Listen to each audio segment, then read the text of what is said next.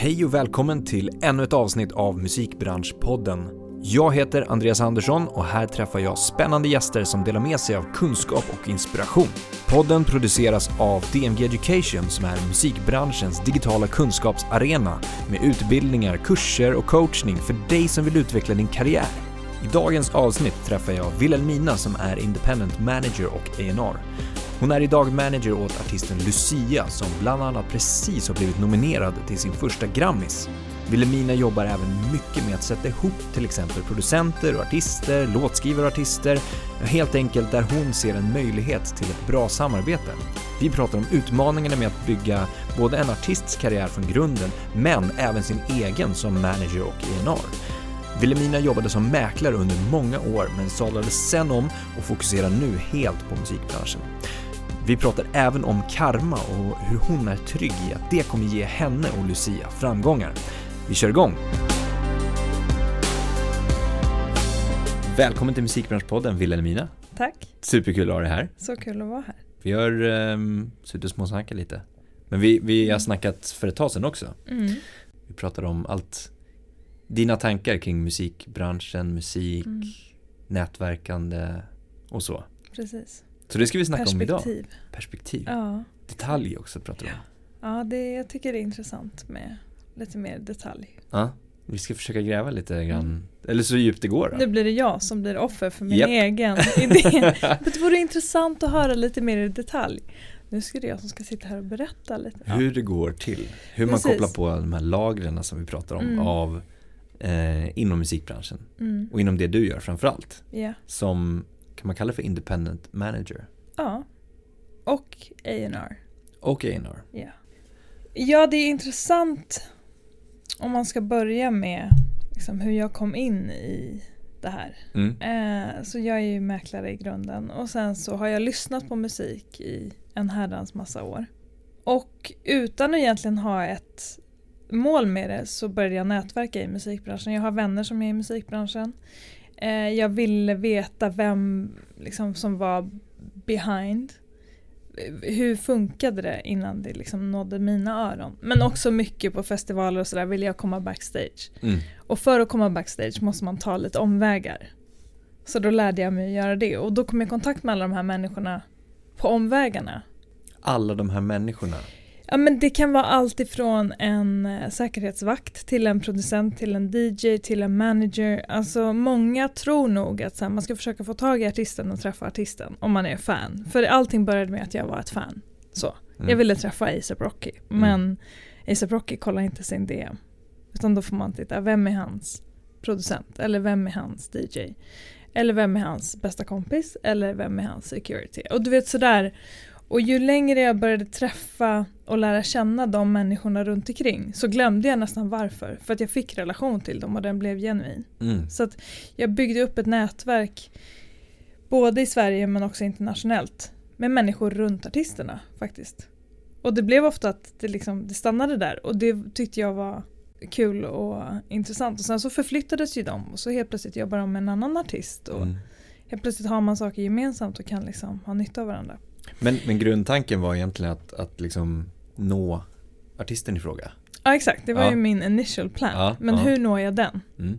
Och då skapade jag relationer med de andra. Just det. Och sen glömde jag att jag skulle nå artisten och så fortsatte jag relation med de andra. Ja, men då hade du inte en utstakad, liksom den här relationen ska ta mig till det här när jag, jag jobbar som manager senare för att utnyttja ett visst Nej. tillfälle, lalala. Precis, Nej, det var på skoj lite så. ja, Ehm, och jag hade artistkompisar som började introducera mig till andra artister som hon är den största man Alltså de de byggde upp ett narrativ som jag inte ens hade mm. skapat själv. Så det blev liksom ett, ett skämt från början. Ehm, men sen så upptäckte jag en artist i Norge som heter Musti. När hon bara hade ett klipp på Instagram. Hon hade inte släppt musik. Det var ett klipp eh, som jag upptäckte då. Och jag skulle till Norge bara två dagar senare för att hälsa på min familj där. Och då sa jag, kan inte vi ses? Jag känner massa folk i musikbranschen. Jag ser att du inte har liksom att det inte har hänt så mycket men jag ser också att du har en talang som jag aldrig har sett i Skandinavien förut. Mm. Och hon var lite skeptisk vilket man ju kan ha förståelse för men vi fortsatte liksom höras. det visade sig att vi hade väldigt lika musiksmak som var väldigt bred. Eh, och sen så fick jag möjlighet att eh, var med och hostade ett event i Stockholm. Då var det Tory Lane som ville ha ett event utanför sin spelning. Ehm, så vi satte ihop en eh, liksom panel och då skulle Tory Lanez prata med up and coming artister och up and coming artister skulle showcasea sin musik och så hade vi Bricks the Main, en producent från Atlanta på länk som vi intervjuade och eh, så vidare. Och då sa jag att jag är med på det men då måste jag få ta hit Musti. Så då hade jag ett konkret liksom, syfte med det. Just det. Mm. Så jag bokade henne till Sverige innan hon liksom hade gjort särskilt mycket i Norge ens. Mm. Mm. Eh, och nu har hon liksom vunnit tre Speleman och turnerat Norge tre gånger och släppt två album och en av liksom Norges mest framgångsrika artister. Så Men, var, ja, men, men, men du jobbar ju inte med Nej jag artisten inte med fråga. henne. Då, jag jobbade inte med musik då överhuvudtaget. Men Nej. det var det första jag gjorde som var konkret sådär. mm. Och då när jag hade gjort det och åstadkommit, det var tillsammans med eh, Pabi, artisten nu, han heter Ibbe. Eh, så jag gjorde det tillsammans med Ibbe och eh, en kille som heter Innocent. Det var vi tre som gjorde eventet. Mm. Men då fick jag, då blev det väldigt tydligt att jag fixade liksom venues och vi fick vara på Fotografiska. Eh, jag fick uppmärksamhet från andra. Eh, jag lyckades boka hit också Avelino, rapartisten från London. Jag lyckades få hit Musti. Liksom det, den, det örat och ögat jag hade för talang blev svart på vitt bekräftat. Om man kan säga så. Mm. Och då började väl tankarna rulla lite mer. Att så jag kanske skulle ta det här lite mer på allvar. Eh, och sen satte jag henne också i en session här. Och då var det en kille från London som var här och, och, och var med i session och han sa liksom att du måste jobba med musik. Och han var väldigt allvarlig. Han, inte som mina kompisar som hade skojat om det utan han var sådär stenallvarlig och sa det att det är inte många som har den energin eller förståelsen eller öra eller liksom framförallt energin tror jag Mm. runt det här. Så han började liksom rekommendera mig till olika människor i London som hörde av sig och sa jag kommer till Stockholm, Daniel säger att det är dig man ska ringa då. Jag hade inte gjort så mycket där heller. Men då började jag sätta ihop producenter i Stockholm i sessions. Och det gick jättebra. Liksom. Så jag satte dem med Sammy, Johnny Bennett, eh, Param, Adibanja, eh, Imenella. Så Imenella jobbar fortfarande med den producenten som jag satte ihop henne med. Och i en av de här sessionerna så, så blev det föreslaget att Lucia skulle vara med. Och då var det ett skivbolag som sa vi har inte signat henne men det passar soundet så du borde testa. Mm. Och jag hade ju sett Lucia då ett par år innan eh, på scen. Så jag var såhär, är det den här Lucia? Jag var väldigt excited. Och jätteglad att jag fick sätta ihop en session. Och hon var jättenöjd med session, det blev en fantastisk låt. Ehm, och hon föreslog då bara några dagar senare att vi borde jobba tillsammans. Och då blev det allvar för mig också. Att vad me- menar du på vilket sätt? Och så, nej men vi, vi testar att göra grejer och ser hur det går. Liksom. Mm. Och det var så, vi har inte slutat since och det är nästan fyra år sedan. Och sen har det varit pandemi och du vet, vi har haft olika situationer i livet som har gjort att man kanske inte, det är inte så att vi jobbat fyra år varje vecka men Nej. Vi har kommit en bit. Så att din, din eh, ursprungstanke blev att du blev en dot conne- connector på Ja. något sätt. Och jag har satt ihop så mycket olika saker. Ja. Ehm, som inte bara är sessions eller management men jag har också hjälpt till att boka till exempel Junior Choi, han som har gjort den här Talking to the Moon-låten. Jag bokade honom för ett gig på Södra Teatern. Jag har bokat olika DJs till Södra Teatern från London. Ehm, jag har tipsat bokningsbolag om liveakter. Jag har satt ihop artister från USA och Kanada i London. Så att, och jag har satt ihop artister från London i LA. Så jag har börjat liksom verkligen dot-connecta över hela världen. Mm. Och, och det grundar sig alltid i att det är musiken som ska make sense. ja.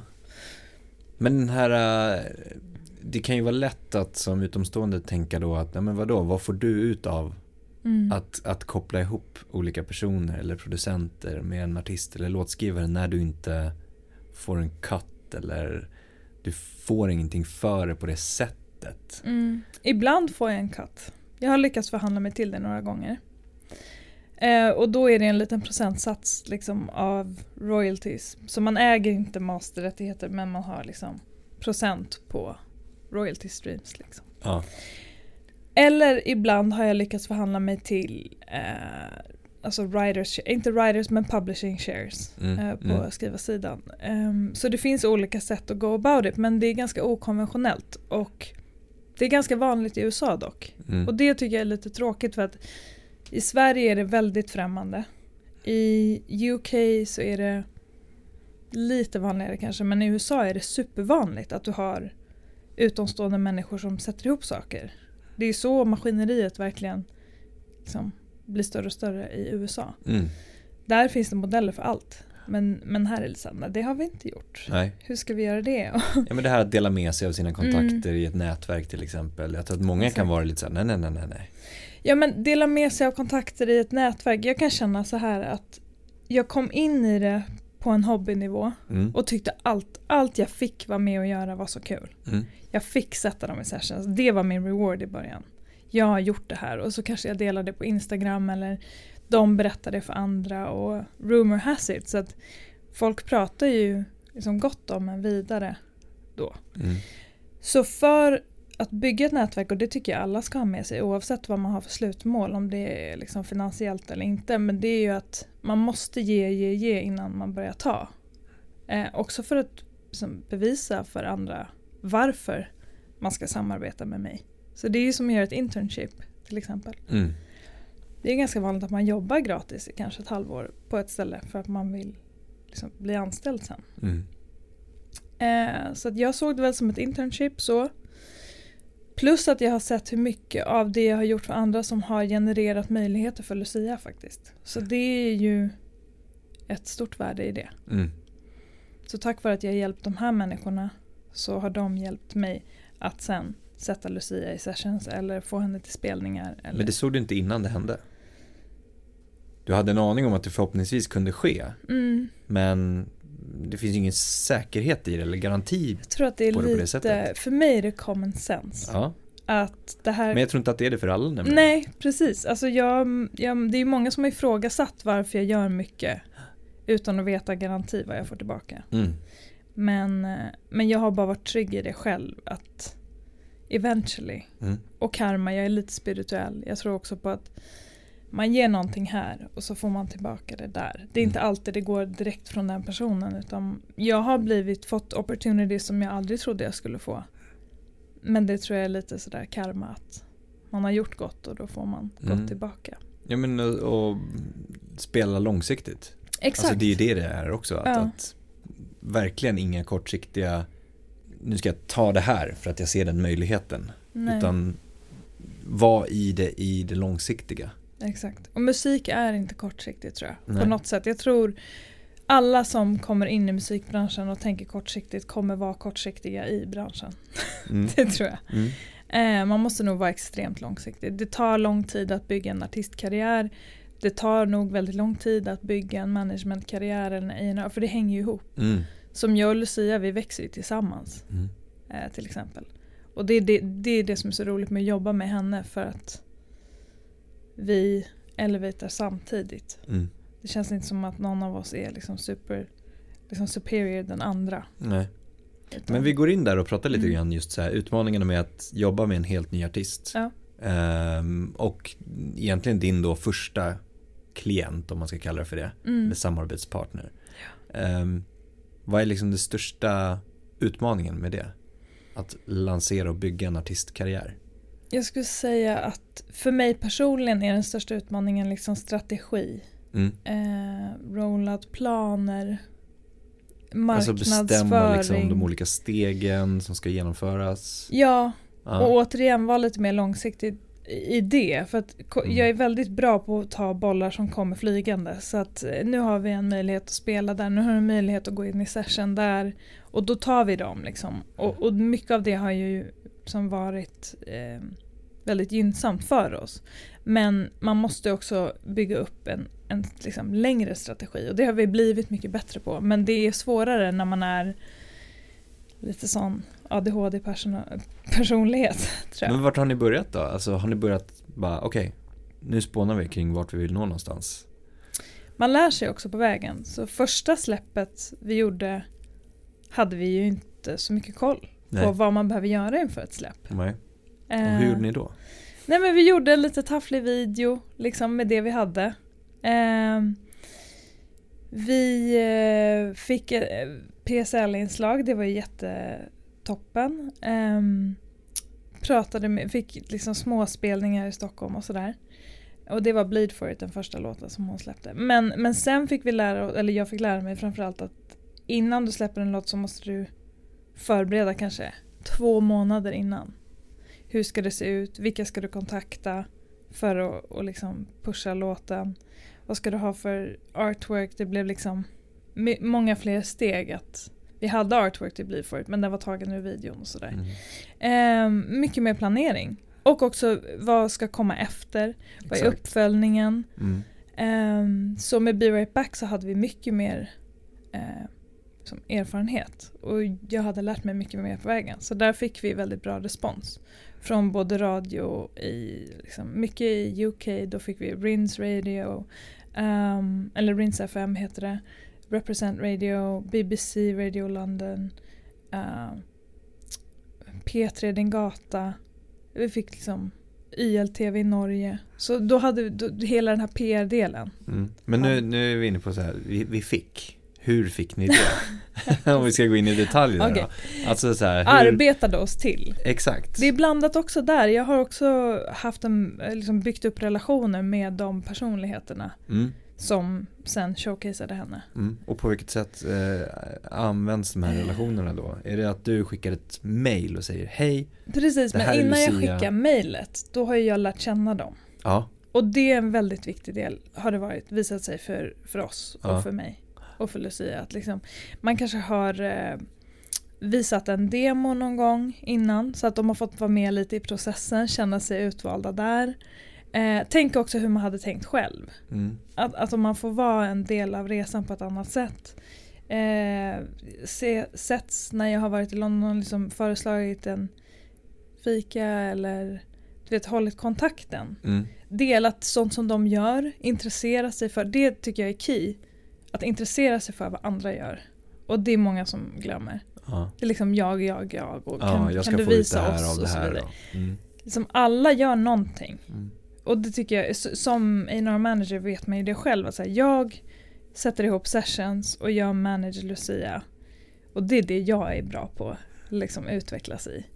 Lucia är jätteduktig på eh, performance och låtskriveri och liksom sjunga. Och det är det hon showcasear. Och radiopersonligheter, de sliter, det är sånt otroligt jobb att jobba med radio. Och då tycker jag att då har man, eh, jag ska inte säga skyldighet, men det är ganska smart att sätta sig in i deras värld. Lyssna på deras andra intervjuer och säga Ja, ah, den här intervjun som du gjorde med den, jag har följt honom så många år, jag uppskattade jättemycket att du lyckades få igenom det. Ja. Jag har också pitchat in andra artister till deras shower Mm. Som de är tacksamma för. Mm. Så det handlar om att hjälpas åt. Och inte bara ta. När skulle du säga att man känner av den här äh, nu är det läge att ta?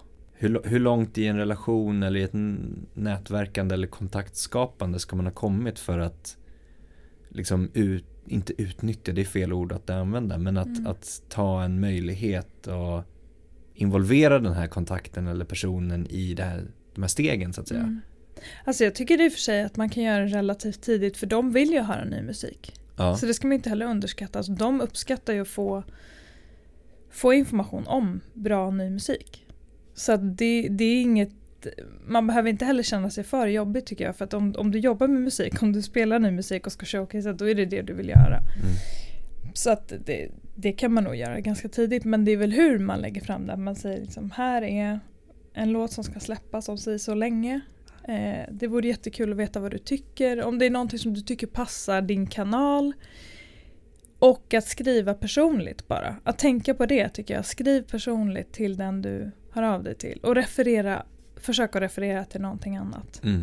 Så att de känner så ah, du har faktiskt koll på mig i övrigt också. Exakt, utan att det Mm. blir en införsäljning direkt liksom Precis. bara så. Mm. Mm. Ehm, så du behöver kanske inte ha kommit superlångt i relationen. För det, i längden om du ska höra av dig till jättemånga och liksom expandera det där. Du, du kommer inte kunna ha möjlighet att ha superbra relation med alla. Men bara tänk till, försök att göra det personligt skulle jag Mm. säga. Mm. Och sen räkna med att kanske första eller andra gången kanske de inte spelar din låt. Men tredje gången kanske de gör det. Så det är alltid värt att börja. Mm. Ju mer man skjuter. Jag tycker inte man ska vara rädd för att reach out. Ever. Nej. Nej. Bra, helt rätt. Jag, Ja. håller, jag är helt med dig på den. Ja. Verkligen. Mm. Men hur, för du, när vi pratade förra gången så är du väldigt eh, bra på att just reach out som du sa. Mm. Eller jag Eh, gör det i alla fall. Ja men, Jo men precis. liksom jo, men det, i, det kan vara skill. DM, det kan vara Mm. ehm, i mail, det kan vara i liksom gå fram till en person som sitter på en restaurang. Ja precis. Jag har satt mig ner med Childish Gambino i LA. Precis. Mm. Och bara så, ta det tillfället, att Ja. se det så här, nej men nu är det läge. Att, att Ja eller det här är mitt enda läge kanske. Ja, ja, Jag skulle nog exakt. inte säga att just det heller var läge. Men det är väl just det här. äh, Jag skulle säga att jag är ganska, min, min familj kallar mig för en äh, ångvält. Mm. Och det är väl ganska korrekt. Men om man har good intentions. Alltså jag vill ju väl och jag försöker att alltså, sortera ut när det makes sense. Mm. Jag tror att det finns en väldig balansgång. Jag tror många bulldozers kanske bara liksom hoppar på allt som är kändis, säg. Men det gör inte jag, utan jag känner att det ska finnas någonting som faktiskt kan make sense när jag gör det. Mm. Så det, det är lite skillnaden. Eh, sen så att det är läge, det är, det är därför folk i min omgivning kanske skäms. De säger det är inte läge nu Wilhelmina. Och nej, jag förstår det men det här är det enda läget som jag kanske får. Mm. Och då måste jag ta det. Mm. Så på den vägen är det. Att då, då går jag fram och så försöker jag vara kortfattad och liksom men återigen, jag jobbar med en artist som har en röst och en kapacitet utöver det vanliga som är verkligen exceptionell. Och då måste ju people få know. Mm. Ja.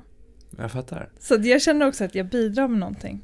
Men då har du ju den rätta inställningen. Mm. Eh, men sen så handlar det om att du behöver ha koll på personen. Alltså på något sätt, du, du behöver ju ha koll på omgivningen. Det är, det är din liksom omvärldsbevakning på något sätt. Mm. Om det är artister, producenter, låtskrivare, skivbolagspersoner, A&Rs eller någonting. Du, Mm. du känner igen dem. Du, du har koll på något sätt. Än Ja. bara jobba med din lilla låda så att säga. Ja, verkligen. Men det är därför jag har kommit in i det här också. För Ja. att jag, jag spenderar absurd mängd tid med att först lyssna på musik och sen tänka här, okej vem har producerat det här, vem har skrivit det här? Gå och titta då efter den personen. Se vilka har vi gemensamt, vad har de gjort tidigare? Och det är ju någonting som jag brinner för och tycker är kul så det är inte en upp- uppoffring för mig på det Nej. sättet. Men det har gjort att så här, jag kanske inte har koll på serier. Alltså, jag har inte koll på filmer, jag har inte koll på mycket annat. Jag Mm. har inte ett lika normalt socialt nätverk privat. Jättemycket av mitt sociala nätverk ligger också i musikrelaterade relationer. Mm.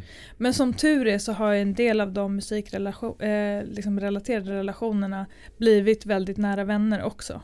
Mm. Men då har det fasats ut så vi jobbar kanske inte tillsammans. Nej. Men det är människor jag träffat i musiksammanhang som jag har blivit nära. Men om vi går in på ditt, eh, din business Mm. på det sättet. För det är ju ändå liksom ett, ett, ett affärsupplägg på något sätt. Alltså Mm. jag förstår i grund och botten så ska ju musik som du älskar i det här fallet då, som du känner mycket för ska ut där. Mm. Men det är ju ett ekonomiskt utbyte mot att konsumenter köper på något Mm. sätt. Och sen så får ju du ekonomisk ersättning tack vare dina tjänster kan man ju nästan säga. Mm. Från artist. I Precis. ett managementupplägg på det sättet. Hur tänker du kring att bygga en sån business för dig själv? Om vi ska då skala av de här lagren. Mm. Då kan jag vara liksom frivillig med att säga som det är. Mm. Om du tittar på en artist, för det första som manager, du får en procentsats av vad artisten tjänar Exakt. efter kostnader. Mm. Det är inte mycket pengar överlag, bara generellt. Eh, artister som du tror tjänar mycket mer tjänar förmodligen mindre. Så att det tar, för det första tar det lång tid innan en, en artist börjar gå plus. Eh, och då kan du tänka dig i steget management. Hur lång tid det tar innan management går plus. Liksom. Mm. Eh, så det är återigen ett väldigt så här, långsiktig investering eh, i tid. Och jag har liksom, jag lever på besparingar sedan innan. Så att jag lever inte på management i dagsläget och det tycker jag är viktigt att säga som det är.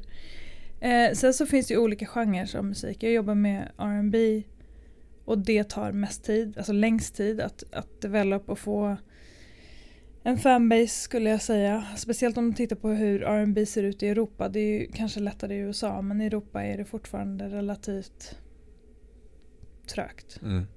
Um, jobbar du med rap så kanske det går över två veckor och att du har en hit som spel streamas 20 miljoner gånger på en månad. Och det är ju en annan ekonomisk situation, kortsiktigt. Uh, så att, för, för, om man ska vara ärlig om business-sidan, det, det tar tid. Mm. Men ju mer vi spelar, desto mer musik som görs, desto bättre den blir, desto mer får man betalt per spelning. Och sen så är det bra, liksom, det, är, en, det är tips liksom, att titta på företagsevent och sådär. Där kan man tjäna betydligt mer. Och så se vilka spelningar är viktiga för mig för att visa min talang och få nya fans. Då kanske jag inte får lika mycket betalt. Men där det finns liksom, företag som vill ha en artist som uppträder på deras konferensfest, då kan man ta ganska bra betalt. För det första för att de har pengar och för det andra för att ja, det är inte kanske där du hittar dina fans. Men Mm. det, Och då blir det som att du finansierar den andra delen av Ja. artistkarriären på något sätt. precis. Man, jag tror inte man kan säga att man har samma fee på alla spelningar. Det är, att man inte sätter ett pris för sig själv direkt så utan att man anpassar Mm. utefter vad som ger dig som artist i övrigt också. Mm, mm. För sen Eh. den naturliga liksom frågan blir ju liksom att ja, men du jobbar med en artist, Mm. att ja, men man skalar upp Mm, och jobbar med fler artister för Precis. att få fler intäktsströmmar till Mm. dig som, som manager. Eh, men där finns det också utmaningar. Alltså att, Ja. att ha sitt egna privatliv, att Mm, vara förälder, precis. pratade du lite grann om innan också. Ja. Men där är, det finns ju olika eh, aspekter till att jag personligen inte har flera artister just nu. Mm. Eh, och för det första så sk- jag, jag skulle inte bli manager. Men jag hörde någon annan podcast med någon, en av världens bästa managers som sa att jag skulle aldrig bli manager. Mm. Alltså, jag tror att det var kanske Scooter Braun till och med. Så här, I never wanted to be a manager. Men då träffar man en artist där det är så oundvikligt att om inte jag gör det, hur ska det annars? Man, man får sån liksom, driv och ivrighet över det. Mm. Så att eh, jag har inte, det, var, det var inte därför jag kom in och blev manager, för att jag ville bli manager. Utan det var för att jag såg en talang, jag såg att jag kunde bidra, hon ville jobba med mig och så började det liksom. Eh, och för det första ska du ju tro på en artist så absurt mycket för att lägga ner den här tiden innan. För som sagt, innan det ger intäkter så Mm. krävs det ganska mycket uppoffring. Det är nummer ett. Nummer två är att jag eh, är ju förälder varannan vecka. Alltså jag har ju barn varannan vecka. Och hon börjar bli äldre så det är liksom, för mig har det blivit ganska solklart att jag måste verkligen lägga tid på henne. Och management handlar om att kunna lyfta luren 24-7. Och det kan jag göra för Lucia men jag tror inte att jag skulle mäkta med att göra det för en, två, tre till. Mm. Men det beror på lite timing. Alltså, när jag känner att vi har kommit så pass långt att jag känner att jag vet exakt vad jag gör i alla delar. Då känns det mer ansvarsfullt också att ta sig an någon ny. Mm. Både med tid, resursen av tid men också erfarenhet Mm. och kunskap. Eh, och jag känner att jag vet, jag tror att jag vet mer än vad jag tror att jag vet just Mm. nu. Men det var som vi pratade om också. Men, men man vill ändå ha liksom proof. Ja, exakt. Ja. men lite så här proof of concept Exakt. eh, pratade du om. Och Mm, Det går ju att likna med en, ett annat slags företag som man startar upp. exakt. Att man vill ha traction på något sätt och visa att man har en produkt eller en tjänst som faktiskt någon vill ha. Mm, Eh, och sen blir det lite proof of concept för din egen del att säga jag kan det här, check, check, check, check. exakt. Eh, Det är bara att köra. det är bara att köra. Ja, nu måste man reinvent oneself eh, varje dag. typ. Ja, exakt. Och jag kan tänka mig att det är väldigt stora utmaningar. Men, och, och därav, återigen liknar det med en, en, en business. Alltså som ska Mm. sälja, inte vet jag, lampknappar. Alltså du kan ju inte sälja lampknappar, även, det kan inte bli en overnight success bara sådär. Nej. Kanske det kan bli, men eh, troligtvis inte. Utan det kräver Spännande långsiktighet.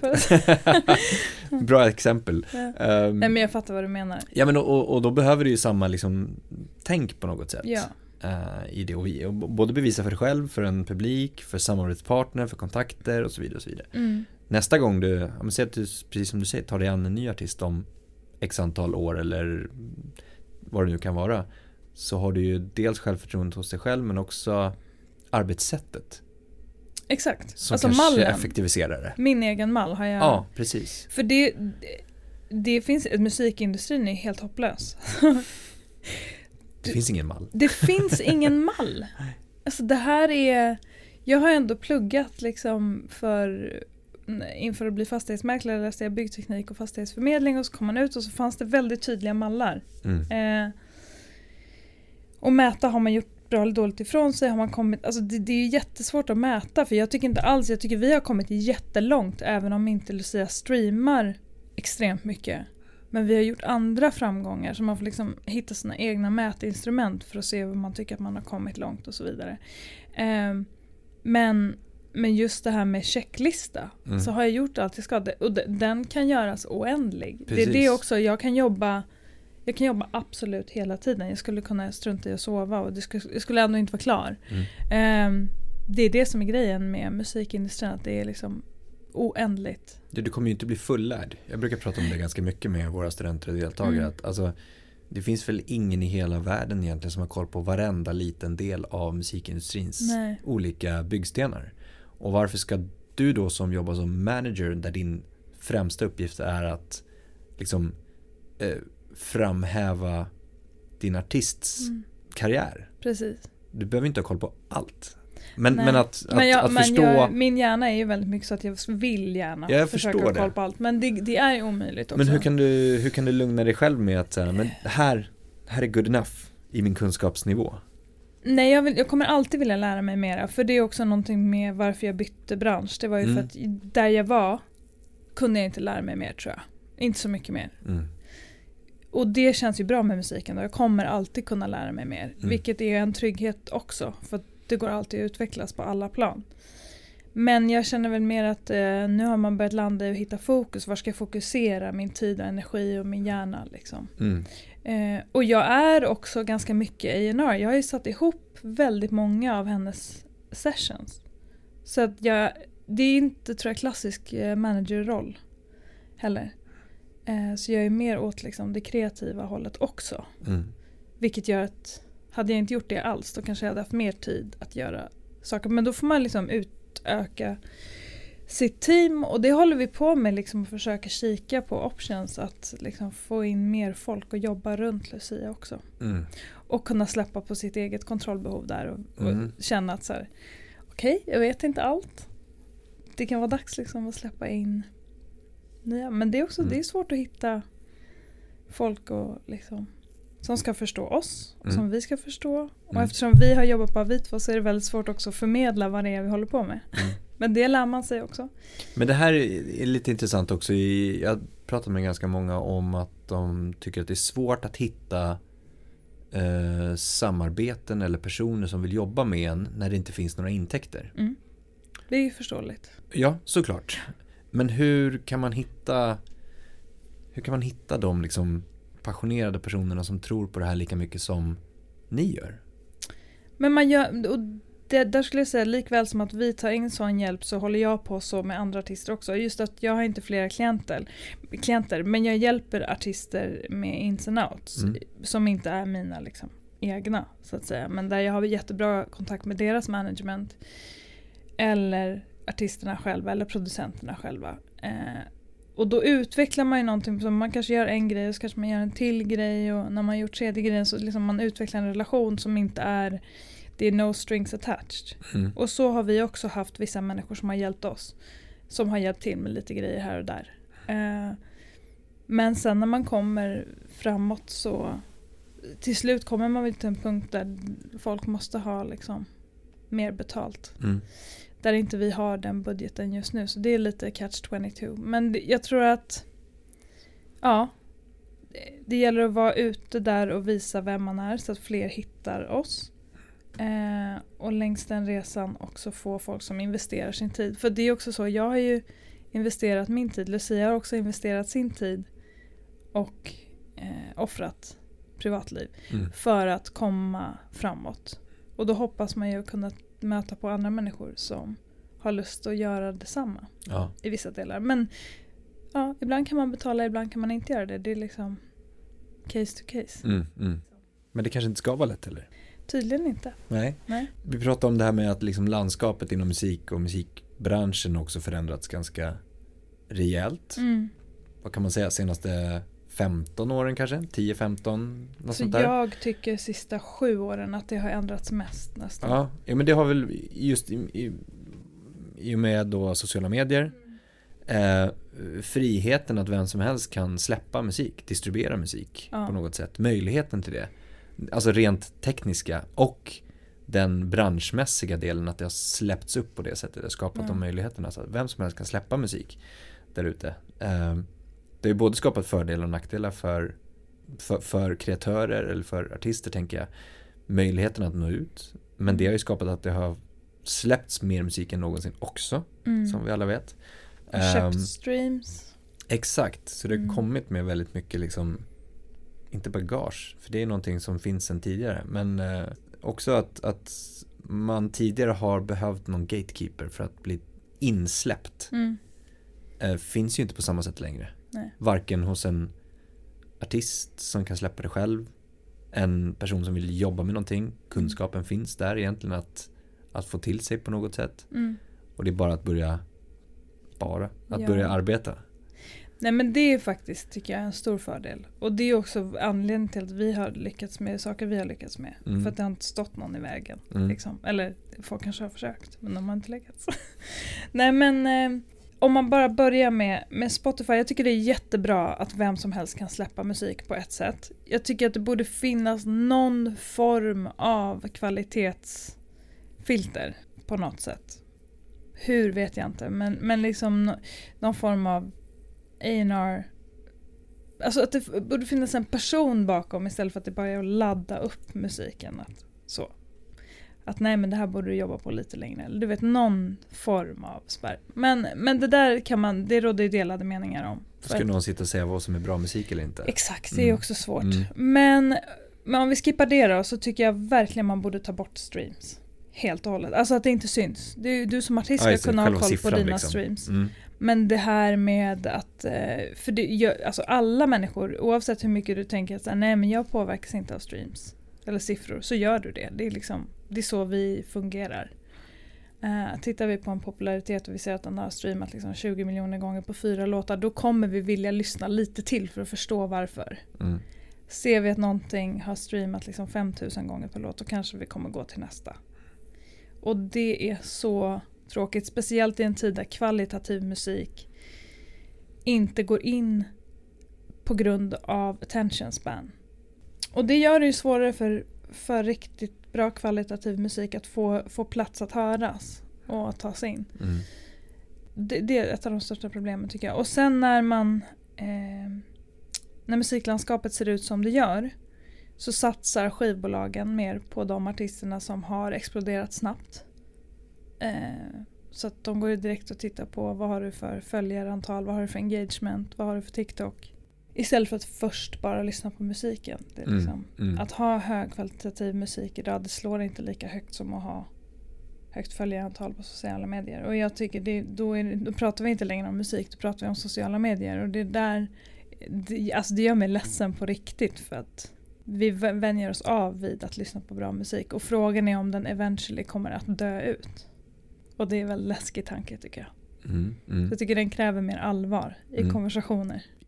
Jag kan tycka i den här demokratiseringen av distribution som det Mm. egentligen har blivit då. Om vi säger att alla har möjligheten till det. Mm. Tycker jag är bra. Mm. På det, i den grundnivån på något sätt. Att alla ska få chansen på något sätt. Eh, att kunna göra det. Så här, det. Det är en positiv effekt av det. Men sen så tror jag att kanske många tar det lite för lätt med nästa steg. Mm. Alltså artister till exempel. Ja. Att i och med att jag har den här liksom, möjligheten så har jag rättigheten inom citationstecken att kunna livnära mig på musik, att kunna tjäna pengar på musik. Mm. Och att den, den digitala möjligheten har gjort det möjligt för alla att tjäna pengar på musik. Och då så tror jag många tror att tack vare att jag kan släppa musik så kommer jag också tjäna pengar på musik. Men det är ju ingen rättighet att du ska tjäna pengar på bara för att du skapar musik tänker jag. Nej men om den går bra. Om den går bra ska du tjäna pengar. Ja. Självklart. Nej du Men- men menar, det jag om menar du är- satsar som på en artistkarriär att du någonstans ska faktiskt kunna livnära dig på det, att det är en rättighet. Att det är en Så- rättighet, att, att man ska Ja. kunna livnära sig på musik. Jag tror att den fel, alltså, jag tror att den bilden många artister har idag. Ja. Att så här, ja men jag har ju jobbat hårt nog. Mm. Jag har ju släppt mycket musik. Jag Men har det ju är gjort också en de här stegen. generationsfråga om vad som innebär att jobba hårt. Ja jag, absolut, tyvärr precis, också. precis. Ja, men Ja. jag tror många har den bilden just att så här, Mm. men eh, i, det, i det sammanhanget att det inte har hänt någonting. Jag har inte Nej. flugit. Exakt. Och precis som du var inne på, alla har olika definitioner av vad jobba hårt är. Mm. Jobba länge, göra Länge. rätt saker inom citationstecken och så.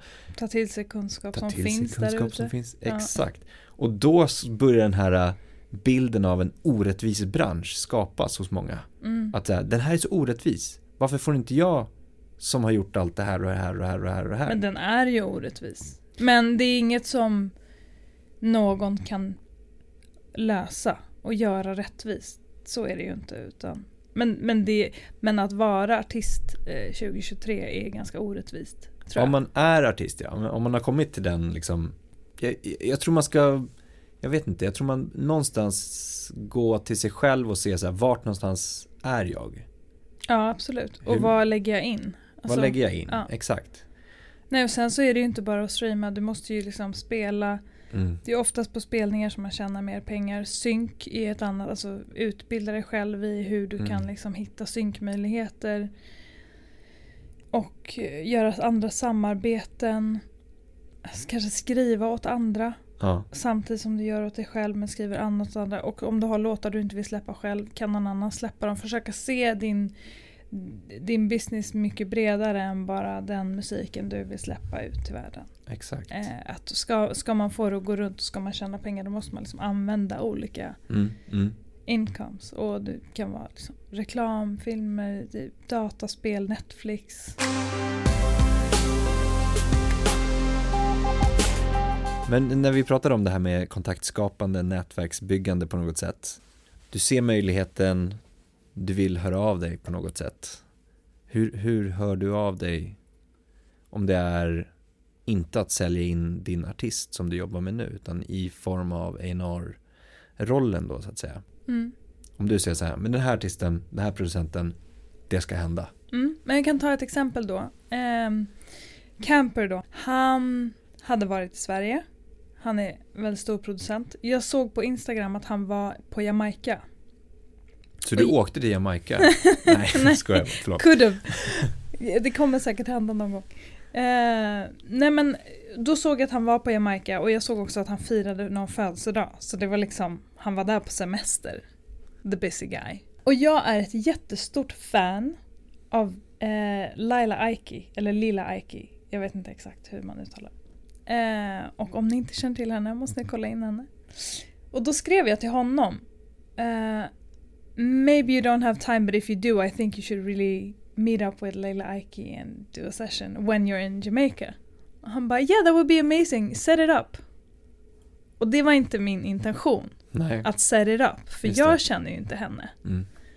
Men när han säger det till mig då är det så okej men då måste jag ju it Då går du igång på alla cylindrar och Exakt, nu då kör går vi. alla cylindrar igång och då tänker så här, jag har gjort det omöjliga förr så nu gör jag det omöjliga igen.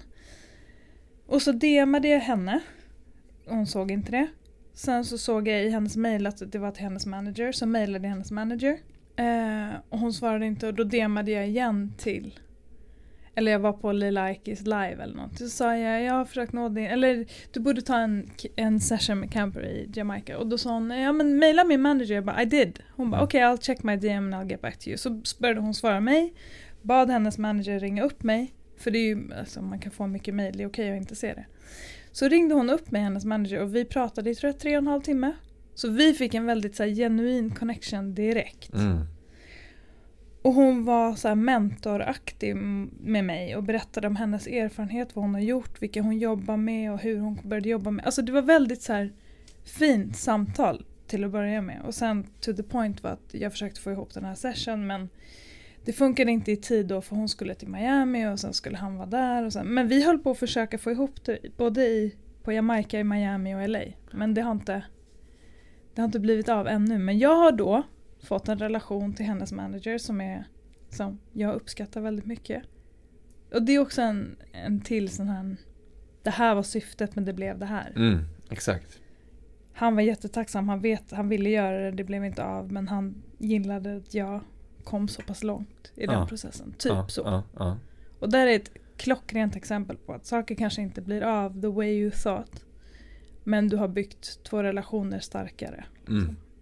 Men då behöv, du behöver ju vara Du behöver ju våga och vara där ute och ställa Mm. den frågan alltså, och, och vara lite Alltså detektivarbete nästan Mm. på något sätt att säga, ja men okej Mailen står inte på hemsidan, bra, jag går på DM Ja hon svarar inte Exakt. på DM, bra, då går jag på liven Jag skriver det liksom bang, Jävligt pang, jobbig pang. kan man kalla ja, det. Ja. men lite så, fast på ett på liksom, ett bra sätt. Ja för det resulterar i något, och då får väl folk tycka att du är jobbig då?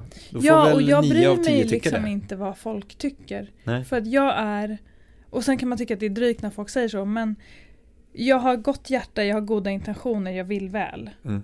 Och jag dedikerar mig själv och min tid och min energi till andra hela tiden. Så jag har inte dåligt samvete för det. Nej.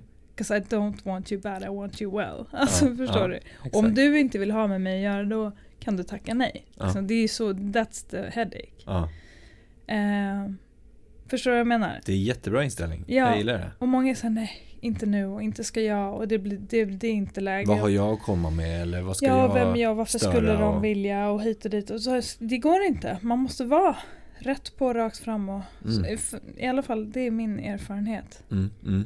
Men det här med, vi var inne på det lite grann, att det här ge, ge, ge, ge Mm. för att få möjligheter tillbaka Mm. eller att kunna liksom se någonting.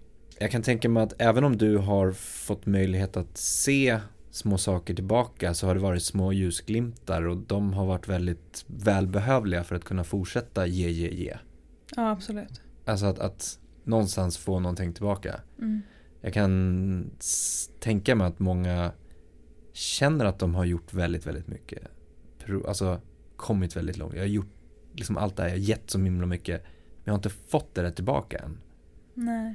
När tror du är liksom the tipping point eller att man börjar se en liten ljusglimt om att så här, Jag skulle säga att de här relationerna där, det, där man har en kontinuerlig relation med människor, så om det kommer tillbaka då kan man ge och så, så fortsätter man ha en relation. mm, Det tycker jag är nummer ett, ett evidens på det.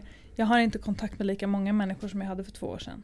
För att det har visat sig mm, att det här är inte ett givande och ett tagande. Liksom. mm, Och, och ibland kan jag vara fine med det. Men det, det rinner bara ut i sanden. Det blir inga långsiktiga relationer om det inte är genuint. Liksom. nej, Eller vissa är, vissa är rent businessrelaterade. Men då är det väldigt, jag tycker folk som är väldigt businessrelaterade, de är straightforward med det. De bara I don't want no bullshit or coffee. What do you want from me? How can I help you? How can I Mm. benefit of you? How can you benefit of me? De är väldigt transactional i deras konversation. Mm. Förstår du? Så det är Mm. lite antingen eller. Antingen är det mysigt och trevligt eller så är det hårt och rakt. mm, Men de i mellanlägret där, de faller av. exakt. Så man sparar tid på det. Sen så tycker jag att det här med musiklivet, det ger mig hela tiden. Jag hittar liksom purpose varje dag i varför jag gör det här. Om jag märker att jag förändrar någon människas liv en dag, på något sätt, Mm, då ger det mig. mm, Ehm, så att jag får tillbaka den vägen mycket. Och det kanske låter flummigt, men det är verkligen så. mm, mm, Det ger mig när jag lär mig, det ger mig när jag träffar nya människor, det ger mig när jag ser att någon gör en låt de aldrig hade gjort om inte jag hade varit involverad. Det ger mig när någon ringer mig Facetime från LA halv tre på morgonen och säger oh, look at this banger we did because of you. Alltså, mm, mm. alltså allt det där, det är därför jag gör det här. Ja, men det är de små ljusglimparna som man Ja men sen också, man också. nu när Lucia, vi, vi fick ett mail bara några dagar innan jul att Lucia var nominerad till Manifestgalan. mm, Och det är det första liksom, officiella eh, god, eller vad säger man, erkännandet som vi har fått i Sverige. mm, Som är publikt. mm, mm. Jättestort. Det var solen. Alltså. Ja, ja. Det var... Och, och det finns så många duktiga artister i Sverige. Och det finns många, man, man ser att många som har kommit längre får recognition down the line. Mm, Och det förstår jag och jag har respekt för det. Så vi hade kanske inte räknat med det här just nu. Men när, när man ser nomineringen och ansiktena bredvid då känner man ändå att någonstans det makes sense. Mm, mm. Och så ska hon uppträda också. Och det är första gången hon får uppträda inför en sån liksom stor publik eh, där alla är där för musikens skull. Liksom, och hon har uppträtt på andra, i andra sammanhang. Mm, Eh, men det här är liksom en profession, alltså industrin är där. mm, mm. Det ska bli gött. Jag har velat samla industrin flera gånger men det är svårt också. Superhäftigt. Och det är ju senare den här veckan när vi spelar in. Det är på torsdag ja, Ja. precis. Superhäftigt ju. Mm. Kul. Jag, tänkte bara det här som du pratade om med eh, att du är lite spirituell i det sammanhanget av att liksom, saker och ting händer eller sker. Mm. Eh, du berättade för mig förut att ja, men du, du har träffat olika personer i olika sammanhang och la la la och samma person i två olika sammanhang som är helt liksom Alltså vad är sannolikheten, vad är oddsen för att du ens skulle göra det? Ja. Men någonstans liksom att din energi och ditt, eh, ditt agerande, ditt letande, ditt medvet, din medvetenhet för vad du ska leta efter är så pass alert på något sätt att du ser dem. Inte, alltså lite grann som att säga, men du ska köpa en ny jacka och så ska du köpa en röd jacka, helt plötsligt så ser du just den röda jackan överallt, den psykologiska biten av det hela. Jag kan tänka mig att det är lite samma sak i ditt, så här, du ser de här Det blir tydligt det ja. blir supertydligt för dig Mm. vad som är runt omkring dig. ja. I din fysiska verklighet på något sätt. Mm. Sen vissa situationer är faktiskt helt otroliga. Vissa är ju absurda, den du berättade om, jag Mm. vet inte, om eh, plånboken. När jag hittade Max Martins plånbok på gatan. Ja, Eh, och då skulle jag inte gått den vägen och så gick jag den vägen och så hittade jag. Så blev jag så glad att jag hittade plånboken i sig och sen när jag öppnade den och såg att det var Max Martin då var det bara så här. Och det var också tredje gången gillt, jag har träffat honom i två andra sammanhang. ja exakt, du hade ju träffat så, honom innan så det var också. liksom så här, you will never forget me now. Nej, Sen är det, ja precis. Eh, det, var, det var lite ett sånt ögonblick. Men det kan vara liksom att jag lyft luren för att ringa någon och när jag lyfter luren för att ringa någon då ringer den mig. Lite svagt exempel kanske men Stars have aligned jättemånga gånger mm. på ett otroligt sätt. Faktiskt. Och mycket när jag och Lucia är tillsammans kan vi liksom, och vi tittar på varandra och bara, det där var spooky och det där. Men hon är också ganska spirituell så det är liksom, man är öppen. Mm. Och det är som, tror man på grejer då är det mycket troligare att man får uppleva dem. Mm. Men apropå den musiken som du jobbar mycket med då, är R&B Mm. och hur den skiljer sig, eller den skiljer sig ju väldigt markant i marknadsmässigt mellan USA och Europa till exempel. Hur är det att jobba med den genren då när man kommer från Sverige? Eh, om man börjar med att titta på hur, jag tror att vi i Sverige vi konsumerar ganska mycket R&B men den R&B vi konsumerar kommer huvudsakligen ifrån USA. Mm. Så det är liksom det första perspektivet. Eh, och då tror jag att man också har en, en bild av att det gör man där borta, det gör vi inte här. Mm. Eller kan vi. Sen finns det extremt duktiga producenter och musiker i Sverige. Men som kanske inte på en daglig basis jobbar med att göra R&B så de har kanske inte utvecklat eller nu säger jag fel, det finns duktiga R&B producenter i Sverige. Men de är också upptagna med de artisterna som finns där. Så det är min erfarenhet att det är, liksom, det är väldigt få. Det är svårt att hitta lediga eh, R&B folk här i Mm. landet. Mm. Mm. Och sen om man tittar på London, så där är det många som växer upp i kyrkan. Och har hela det här att sjunga i kyrkan och gospel och soul. Där musiken känns friare. Liksom allt ifrån att spela instrument till att sjunga. Det är ett friare sätt att göra det på. Det tror jag är grunden till R&B också. Eller det är ju det, rhythm and blues. Att det kommer ifrån att själen får liksom tala. Mm. Och då ska man kunna förhålla sig utanför ramar. Och jag tror att Sverige är ett väldigt ramaktigt samhälle. Speciellt i musik, att det är liksom, så här gör vi. Ehm, så det, det upplever jag också när Lucia har både spelat in i studion men också uppträtt i London med band där nere. Att det, det blir ibland lite mer fritt. Mm. Sådär.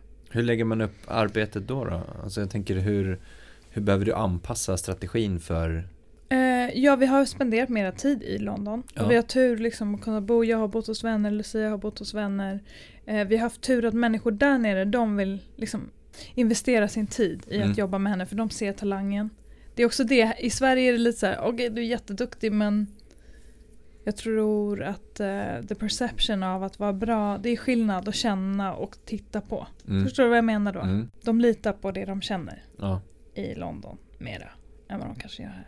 Mm. Så det har bara varit naturligt att vara där. Och när hon har en spelning där så får hon en till spelning där. Så, så har det varit flera gånger. Så hon har spelat på Notting Hill Arts Club, eh, Rhythm and Flow, On the Rhythm och Soho House sist. Och det, har liksom, det ena har alltid nästan lett till det andra. Så Mm. att det känns som att då är det viktigt att vara där.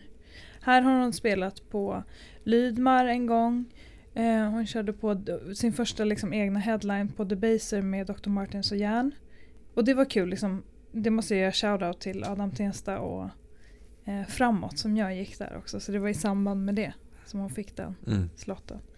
Eh, och sen så efter mycket om och men så fick hon spela på Brilliant Minds. På den Taste of-delen i Spegelsalen. Men, men det, det, det har krävts lite mer för att få spelningen här än vad det har fått spelningarna där nere. Mm. Men sen kan jag tänka mig att det handlar om hur ni lägger upp liksom strategin för släpp av musik, vilka Mm. marknader ska man rikta sig till? Alltså den möjligheten som vi pratade om förut Mm. finns ju tekniska. Liksom att förut var du ju tvungen att vara i en marknad för att kunna släppa Mm, musiken där. mm, Nu går det att släppa musiken härifrån eller vad man ska säga. absolut. Um, I och med det och då lägga upp just lanseringsplaner, vart ska man synas, vilken promo ska man göra, Mm. vilka kanaler ska man fokusera på, spellistor, bloggar, PR, magasin, Mm. alltså sådana saker kan jag tänka mig förändras också. Att det inte blir att okej, nu är vi Stockholmsfokuserade eller Sverigebaserade, Nej. nu ska vi fokusera på det som är här, utan man kanske lyfter det utanför, eller? Verkligen. Och vi har ju kontakt med liksom plattformar, rb plattformar både i USA, Kanada, London, Norge. Norge har varit jättesupportive för Mm. övrigt. Mm. Shoutout till Norge. YLTV och Marius. Mm. Marius var en av de som sa till mig att jag är jävligt jobbig men han irriterar sig inte på mig. Apropå det här med att vara på. Ja, Så det är fascinerande med dig Wilhelmina för du är ju väldigt jobbig men jag blir aldrig irriterad. Eller pushy sa han, inte jobbig. pushy, ja, på ett Ja. positivt sätt då. Ja men det exakt, blir det, det. var Ja, ju en komplimang. Ja, ja. Det var just det som vi pratade om att vara jobbig eller på. Ja. Men att ha fingerspitzgefühl på att man ska ha något att säga. Mm. Man kan vara lite smooth runt det och liksom komma med någonting. Och jag har bidragit till honom också och gett honom kontakter i London och så. Så det är givande och tagande igen. Mm. Mm. Men eh, i alla fall, det vi skulle säga om marknader. Det är svårt. Men UK lyssnar mycket på Lucia. Mm. Hon får bra uppmärksamhet när vi är där, hon jobbar bra med folk därifrån. Så hon är ganska mycket där. Eh, och just det här med att man kan släppa musik härifrån till en annan marknad men det är bra att vara där fysiskt också så folk tror att du är på riktigt liksom. Mm. Inte bara på låtsas. Mm. Men det blir mycket flänga omkring liksom. Mm. Blir det liksom Och valen att, ju- ja, men att ni ska fokusera på det där och då då? Alltså framåt tänker jag. Att, Ja, men, okej. framåt eh, tänker jag liksom stegvis att ehm, man vill inte heller förlora kontakten med Skandinavien, det vill jag poängtera. För om man tittar på till exempel Snarlägre, det känns som att hon flyttade och så nu är hon bara i USA. Förutom när hon kommer hem. Hon har ju spelat på P3 Guld och vunnit en Grammis och sådär. Men det hade varit roligt att ha henne mer i Sverige. Stoltheten av att liksom hon är härifrån. Men det är lite en, en hjälpas åt process. Att vi får lite mer hjälp från Sverige. Mm. Då kanske man har större lust att, att vara lojal till sitt land och stanna kvar här. Mm.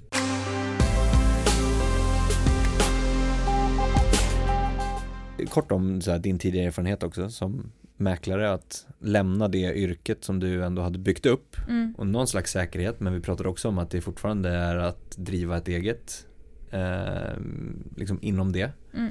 eh, men att det fortfarande är skillnader i att där handlar det om helt andra tjänster, saker, arbetssätt Ja, vad man jobbar med. vad du jobbar med. Då jobbade jag med exakt. hem. Ja. Och nu jobbar jag med musik. Först ska du sälja in dig själv som mäklare och sen ska du sälja in ett hem till en annan Precis. person då.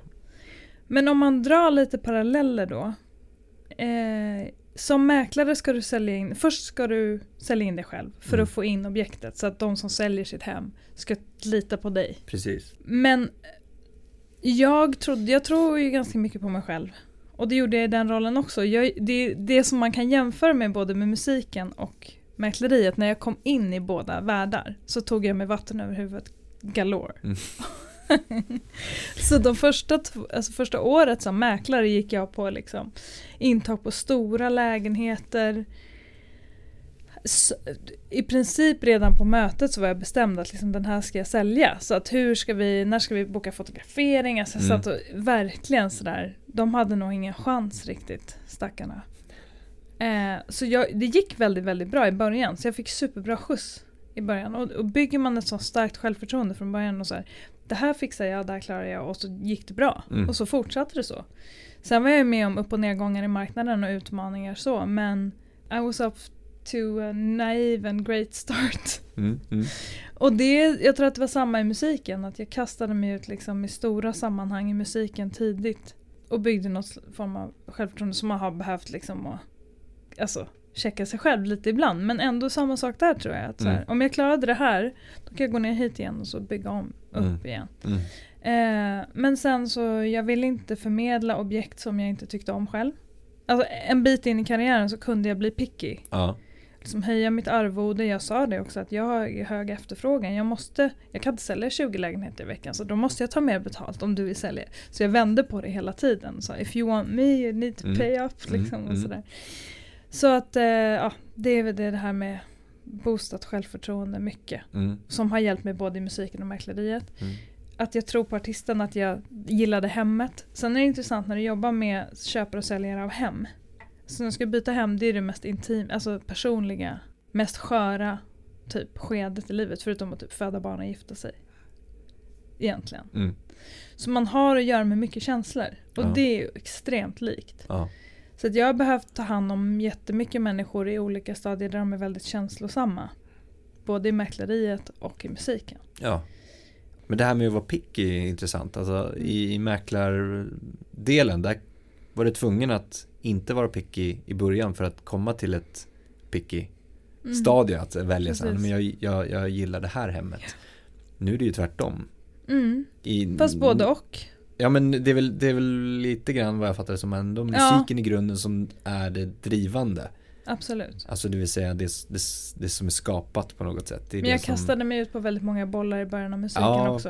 Jag vill säga, satte ihop rappare från USA, eller från eh, London här mycket, hjälp, hjälpte mycket folk ja. i början. Och inte för att jag inte tyckte om vad de gjorde, jag gillade det de gjorde. Mm. Men jag har ju fått erfara liksom att det kanske inte är värt alltid. Nej.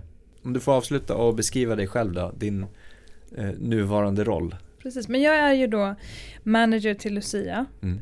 Utöver det, sen är jag också A&R till henne för jag sätter ihop mycket av hennes musiksammanhang och hennes sessions. Utöver Lucia så jobbar jag med människor från eh, både UK, Norge och USA och ibland Jamaica, Amsterdam, ja, men olika delar av världen där musiken makes sense. Och då kan det vara, till exempel nu sätter jag ihop en artist från London som heter Bella. Hon är i LA, så då sätter jag ihop henne i sessions med producenter där. Och det har funkat bra. Och sådär. Så att jag eh, fungerar som en liksom dot connector som du sa också. Men det är liksom det är att veta vad som hör ihop musikaliskt. Mm. Eh, och testa det. Mm. Och ofta funkar det ganska bra. Men, men det är roligt. Jag Eh, folk vänder sig ibland till mig för liksom, tips och råd om eh, up and coming talanger. Mm. Eh, det är även labels och publishing som frågar mig om vad, vad tycker du är bra nu. Så jag scoutar ibland åt andra också. Eh, men där tycker jag att det, det kunde funnits en lite mer utvecklad eh, system för konsult, consulting inom det. det. Men det kanske kommer. Det kanske kommer. Ja. Det kanske blir hoppas det. Eh, lite inspirerat av, av hur det ser ut i USA till exempel. Precis. Mm. Nu sitter jag med i MMFs eh, valberedning också. Precis. Där lär jag mig extremt mycket. Jag är jättetacksam för att få, liksom, få vara med de människorna varje, ja, någon gång i månaden. Sådär. Mm. Härligt! Wilhelmina, ja. supertack för ett jätte, jättetrevligt samtal. Tack snälla för att jag fick komma hit. Du är en grym podd som jag lyssnar på ofta. Så tack ja, men, för det jobbet du gör. Ja men tack, tack. Jättestort tack för att du har lyssnat på podden idag. Det uppskattas verkligen. Kom ihåg att följa, stjärnmarkera, gilla, dela, kommentera för att hjälpa till att sprida kunskapen i musikbranschen. Vi vill också jättegärna höra från dig. Vilka utmaningar står du inför? Vad tycker du är svårt? Vad tycker du är lätt? Vad vill du höra? Vad vill du veta? Vad vill du lära dig? Hör av dig till oss på info at vmgeducation.se. Tack för idag och ha en fortsatt härlig dag.